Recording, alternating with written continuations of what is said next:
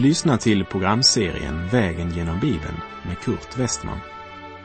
Programmet sänds av Transworld Radio och produceras av Norea Radio Sverige. Vi befinner oss nu i Sakarja bok. Slå gärna upp din bibel och följ med. Vi befinner oss i profeten Sakarja bok kapitel 10 och vi ska läsa från vers 4. Vi avslutade ju förra programmet med att Gud uttalade sin dom över falska herdar och profeter. Därefter lyfter han blicken upp mot den kommande Messias, frälsaren och försonaren, om vilken Gud säger följande. Sakarja 10, vers 4.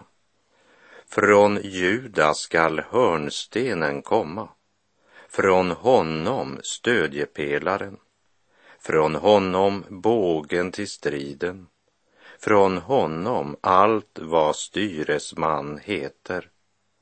Stödjepelaren, ja, själva bågen till striden ska komma från Juda.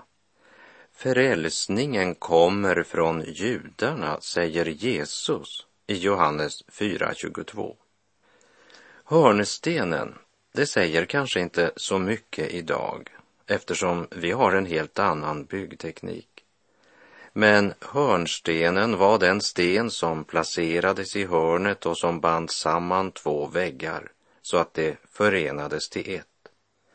Även byggnadens slutsten kallades hörnsten.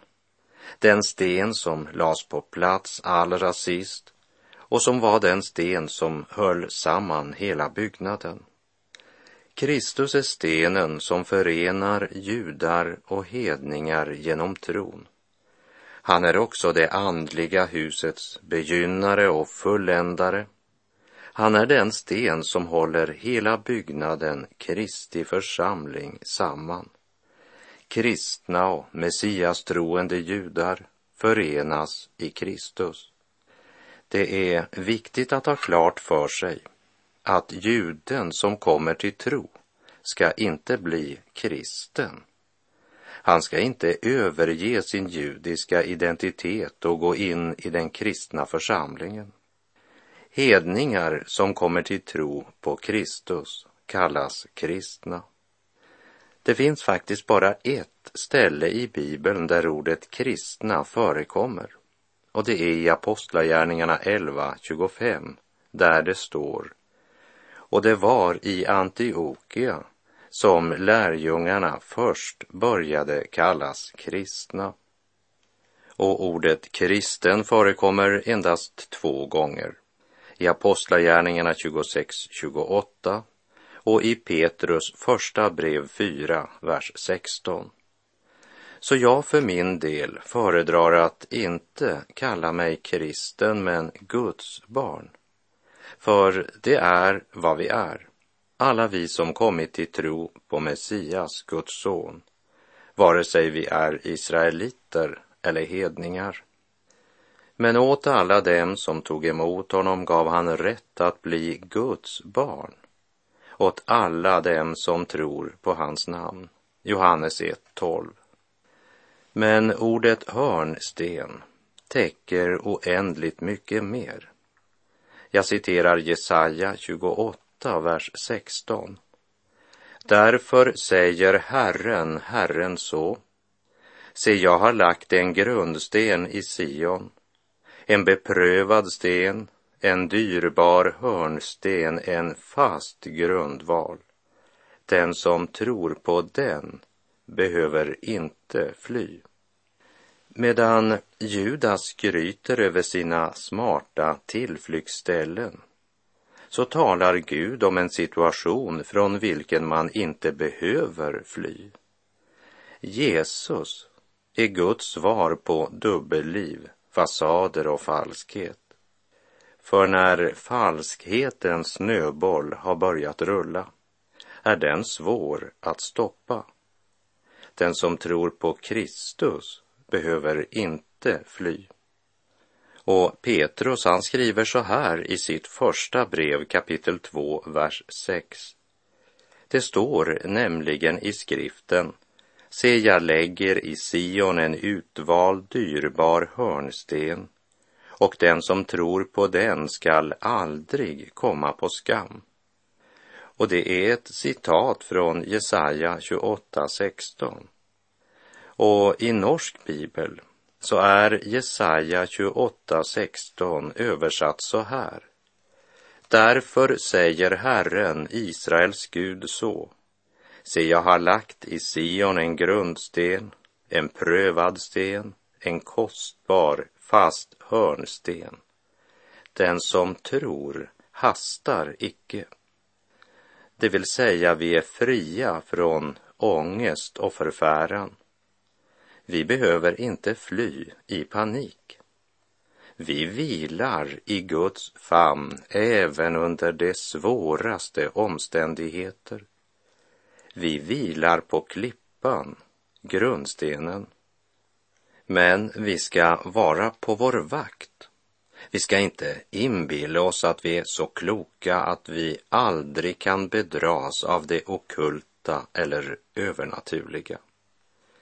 Låt oss inte underskatta Satan och hans förförelsekonst. Han vet hur han ska imponera på vår gamla natur. Låt oss då lägga bort allt som tynger och särskilt synden som snärjer oss så hårt och löpa uthålligt i det lopp som vi har framför oss. Och låt oss ha blicken fäst vid Jesus, trons upphovsman och fullkomnare, står det i början av Hebreerbrevets tolfte kapitel. Låt oss ha blicken fäst vid Jesus. När någon går vilse i fjällvärlden när det är riktigt kallt är risken stor att man fryser ihjäl.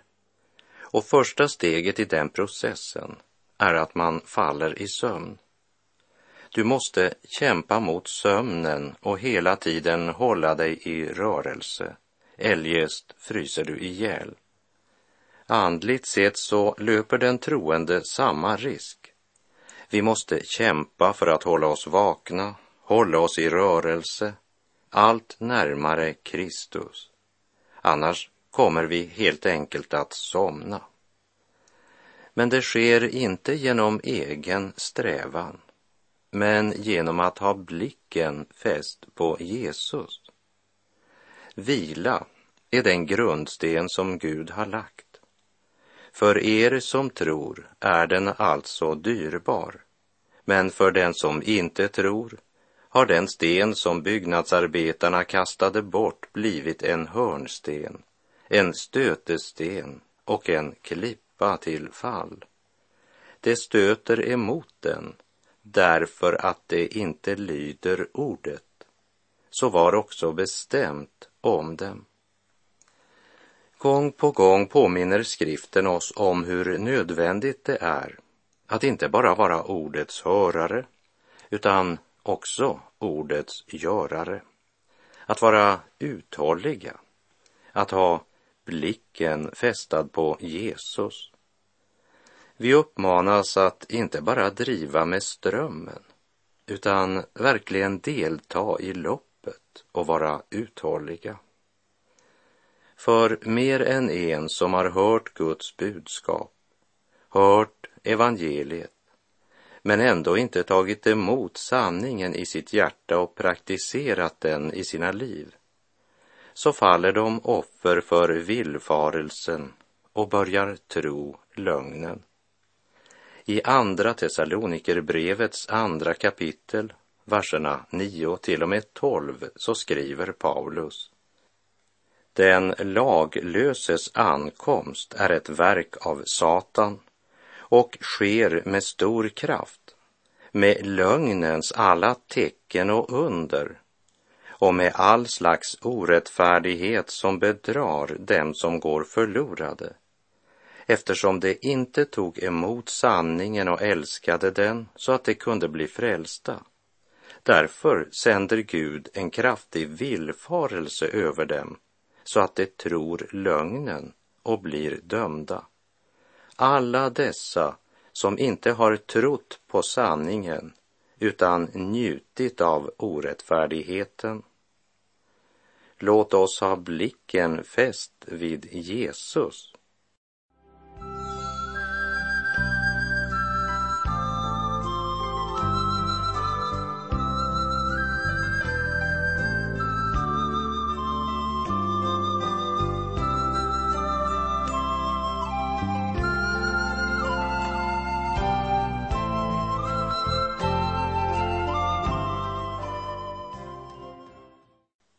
Herren Jesus gjorde ett högst anmärkningsvärt uttalande när han inför fariseerna kallade sig själv för stenen. Jag citerar Matteus 21, vers 44. Den som faller på den stenen skall krossas och den som stenen faller på ska smulas sönder. Vad som sker med dig bestäms av hur du reagerar på stenen. Du kan falla ner inför den eller så kommer den att falla över dig och krossa dig. Du kan böja dig och ta emot Herren Jesus. Du kan komma till honom som en syndare och falla ner inför honom, förtrösta på honom, vila på den fasta klippan. Det betyder att du är förkrossad. Du litar inte längre på dig själv. Du förtröstar på honom och hans fullbordade verk. Men om du förkastar honom så blir han den sten som kommer att falla på dig och krossa dig till stoft. Med andra ord, han kommer att bli din domare.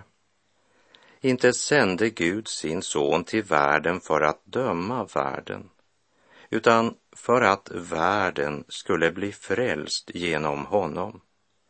Den som tror på honom blir inte dömd, men den som inte tror är redan dömd eftersom han inte tror på Guds enfödde sons namn, skriver Johannes i Johannesevangeliets tredje kapitel, vers 17 och 18. Daniel nämnde detta i sin profetia i Daniel kapitel 2. Daniel fick se en syn där hedningarnas tid var till ända och en sten som förebildade Kristus revs loss och krossade bildstoden som beskrivs i Daniel kapitel 2 och som talar om de fyra stora världsrikena och om att Gud upprättar sitt rike som ska bestå för evigt. Jag citerar Daniel kapitel 2, vers 34 och 35. Medan du nu såg på den revs en sten loss, men inte genom människohänder, och den träffade statyns fötter av järn och lera och krossade dem. Då krossades allt sammans, järnet, leran, kopparn, silvret och guldet. Och allt blev som agnar på en tröskloge om sommaren och vinden förde bort det så att man inte mer kunde finna något spår av det. Men av stenen som hade träffat statyn blev det ett stort berg som uppfyllde hela jorden.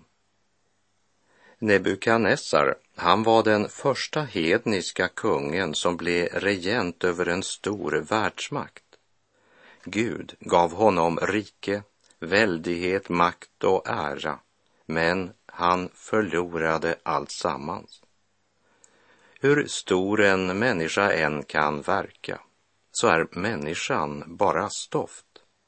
Och när Herren Jesus kommer åter skall han krossa all motstånd mot Gud, krossa all orättfärdighet och döma synden. Och Sakarja kallar honom inte bara för hörnstenen men också för stödjepelaren och för bågen till striden. Han är alltså både den som bevarar oss från fall och den som vinner seger över vår fiende. Han är också allt vad styresman heter, det vill säga huvudet. I Efeserbrevets fjärde kapitel talar Paulus om vikten av att vi alla når fram till enheten i tron och i kunskapen om Guds son, till ett sådant mått av manlig mognad att vi blir helt uppfyllda av Kristus. Och så säger han i Efesebrevet 4, vers 14 och 15. Vi ska då inte längre vara barn som kastas hit och dit av vågorna och som förs bort av varje vindkast i läran. När människorna bedriver sitt falska spel och i sin list förleder till villfarelse. Vi skall istället i kärlek hålla fast vid sanningen och i allt växa upp till honom som är huvudet, nämligen Kristus. Kristus ska inte bara vara frälsare, han ska också vara Herre i våra liv. Kristi församling kallas för Kristi kropp och Kristus är kroppens huvud. Han är Herre, han alena. Han är allt vad styresman heter. Vårt liv ska inte styras av yttre omständigheter utan av Kristus. Därför säger Paulus i Romarbrevet 8, vers 35 till 37. Vem kan skilja oss från Kristi kärlek? Nöd eller ångest, förföljelse eller hunger, nakenhet, fara eller svärd. Det står ju skrivet. För din skull dödas vi hela dagen vi räknas som slaktfår. Men i allt detta vinner vi en överväldigande seger genom honom som har älskat oss. Eller som profeten Sakarja uttrycker det i Sakarja 10.4. Från Juda skall hörnstenen komma, från honom stödjepelaren, från honom bågen till striden, från honom allt vad styresman heter. Han ska krossa all våld och orättfärdighet, all lögn, all omoral, all villfarelse, alla falska ledare, både politiska och religiösa, som han kallar getter. Hörnstenen ska krossa all orätt. Och Guds ord säger att det är från Juda hörnstenen skall komma. Frälsningen kommer från judarna. Vilken lycka för dig och mig att leva i förväntan på hans återkomst och vara vissa på att också denna profetia ska Gud uppfylla helt och fullt. Ty ännu en kort liten tid så kommer han som skall komma och han ska inte dröja säger Hebreerbrevet 10.37.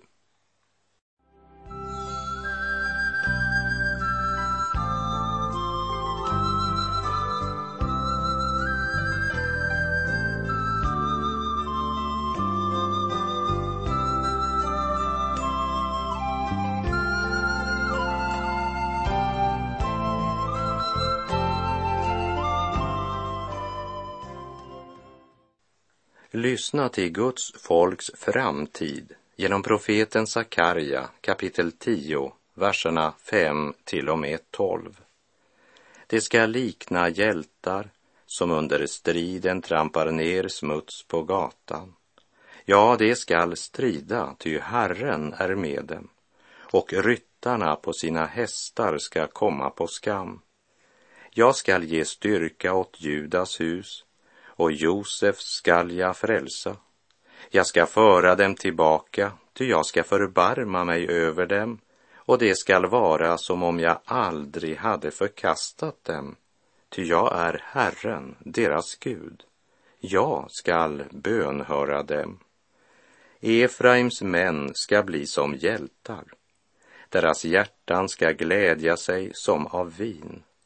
Deras barn skall se det och bli glada deras hjärtan ska fröjda sig i Herren. Jag ska vissla på dem och föra dem samman, ty jag har befriat dem. De ska bli lika talrika som förut. När jag planterar ut dem bland folken ska de tänka på mig i fjärran land. De ska få leva med sina barn och komma åter. Jag ska föra dem tillbaka från Egypten, Egyptens land och från Assur ska jag samla dem. Till Gileads land och till Libanon ska jag föra dem. Och där skall inte finnas utrymme nog för dem. Han skall dra fram genom ett hav av nöd.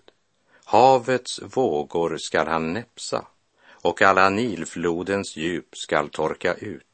Assurs stolthet skall brytas ner och spiran tas från Egypten. Jag skall göra dem starka i Herren och i hans namn skall de gå fram, säger Herren. Lägg speciellt märke till att Herren säger i slutet av vers 6 och det ska vara som om jag aldrig hade förkastat dem. Det är vad Gud säger om Israels framtid. Och den dagen då denna profetia blir uppfylld ska det bli uppenbart för hela världen. Genom Makabeernas hjältedåd så gick den här profetian delvis i uppfyllelse. Men det ska komma en dag då den helt och fullt ska fullbordas, Gud till ära och människor till frälsning. Då kommer det judiska folkets blomstringstid. Lägg märke till orden i slutet av vers 9 och början av vers 10. De ska få leva med sina barn och komma åter. Jag skall föra dem tillbaka. Gud ska föra dem tillbaka, inte därför att de har förtjänat det, men därför att Herren tänker hålla sitt löfte till Abraham. Herren ska ge sitt folk seger. Och segern kommer inte genom överdriven insats från Guds folk, utan genom att man finner vila i Guds suveräna hand. Det judiska folkets kallelse består i att böja sig för Gud. När de vandrar med honom utför han sitt verk. Och det är viktigt för Guds barn i alla tider att ha det klart för sig, att både riket och verket är Herrens. Inser vi inte det så blir vi antingen likgiltiga och ger upp eller också bränner vi ljuset i bägge ändar. Och den som bränner ljuset i bägge ändar är inte så upplyst som han tror. Jag ska föra dem tillbaka var Herrens löfte. Löftet är Herrens och ansvaret för löftets uppfyllelse är Herrens. Jag skall förbarma mig över dem, säger han i Sakarja 10.6. Segern kommer när nöden har fått driva oss till Gud när människan inte bara känner sig förkrossad på grund av alla yttre svårigheter och jordiska problem, men känner sig förkrossad på grund av sin synd mot Gud. För om inte det sker återvänder hjärtat till sin gamla livsform när nöden är över. Då har nöden inte fått skapa någon verklig förvandling då har sorgen inte fört till sann omvändelse och bättring, utan bara till ett tillfälligt intryck. Paulus hade skrivit ett brev till församlingen i Korint som tydligen hade vållat dem sorg. I Andra Korinthierbrevet 7, vers 8 till och med 10 skriver han. Ty även om jag gjorde er bedrövade med mitt brev så ångrar jag det inte nu. Först ångrade jag mig eftersom jag såg att brevet gjort er bedrövade, om än bara för en tid. Men nu gläder jag mig, inte därför att ni blev sorgsna, utan därför att er sorg ledde till att ni ångrade er. Det var ju efter Guds vilja som ni blev bedrövade. och därför har ni inte lidit någon skada genom oss. Ty en sorg efter Guds vilja för med sig en ånger som man inte ångrar och som leder till frälsning. Men världens sorg leder till död. Sakarja kapitel 10 talar om Guds omsorg om sitt folk. Och när du vänder om till Gud, bekänner din synd och låter honom vara Herre i ditt liv, så blir hans seger din. Jag skall göra dem starka i Herren, och i hans namn skall de gå fram, säger Herren. Kära vän som lyssnar, om du inte kommit så långt i din andliga försoffning att du förlorat förmågan att uppleva en andlig kris, så be Gud förbarma sig över dig och gripa in i ditt liv. Tänk inte på det som har hänt. Bry er inte om det som förr har varit. Se, jag gör något nytt. Redan nu visar det sig. Märker ni det inte? Jag ska göra en väg i vildmarken och strömmar i öknen. Ja, så säger Herren i Jesaja 43, vers 8 och 9. Kära vän, förspill inte Herrens besökelsetid. Låt Gud genom sitt ord och sin helige ande få uppenbara frälsaren Jesus Kristus för ditt hjärta, så att han blir verklig för dig så att du inte räknar med något annat än med honom. Bränn inte ljuset i bägge ändar, utan låt Guds ljus tändas i ditt hjärta. Då räknar du inte längre med dina egna gärningar, inte heller med din så kallade helhjärtade överlåtelse. Då räknar du med Guds löfte och han kommer att uppfylla sitt löfte, det kan du lita på. Han skall i sin barmhärtighet av nåd göra en väg också i din vildmark. Han både vill och kan. Jag ska göra dem starka i Herren och i hans namn ska det gå fram, säger Herren.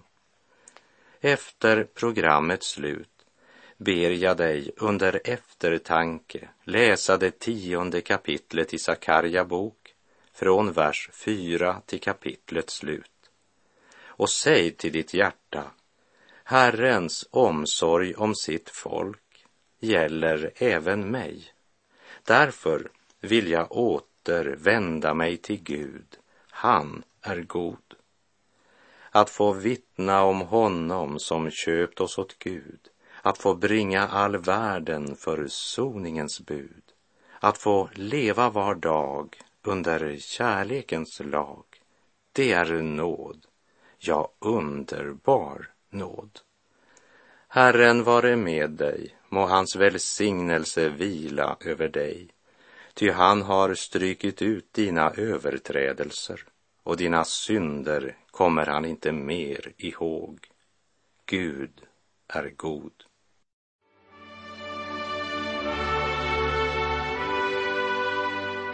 Du har lyssnat till programserien Vägen genom Bibeln med Kurt Westman som sänds av Transworld Radio. Programserien är producerad av Norea Radio Sverige. Om du önskar mer information om vårt radiomissionsarbete så skriv till Norea Radio Sverige, box 3419 103 68 Stockholm. Adressen är alltså Norea Radio Sverige box 3419. Postnumret 10368 Stockholm.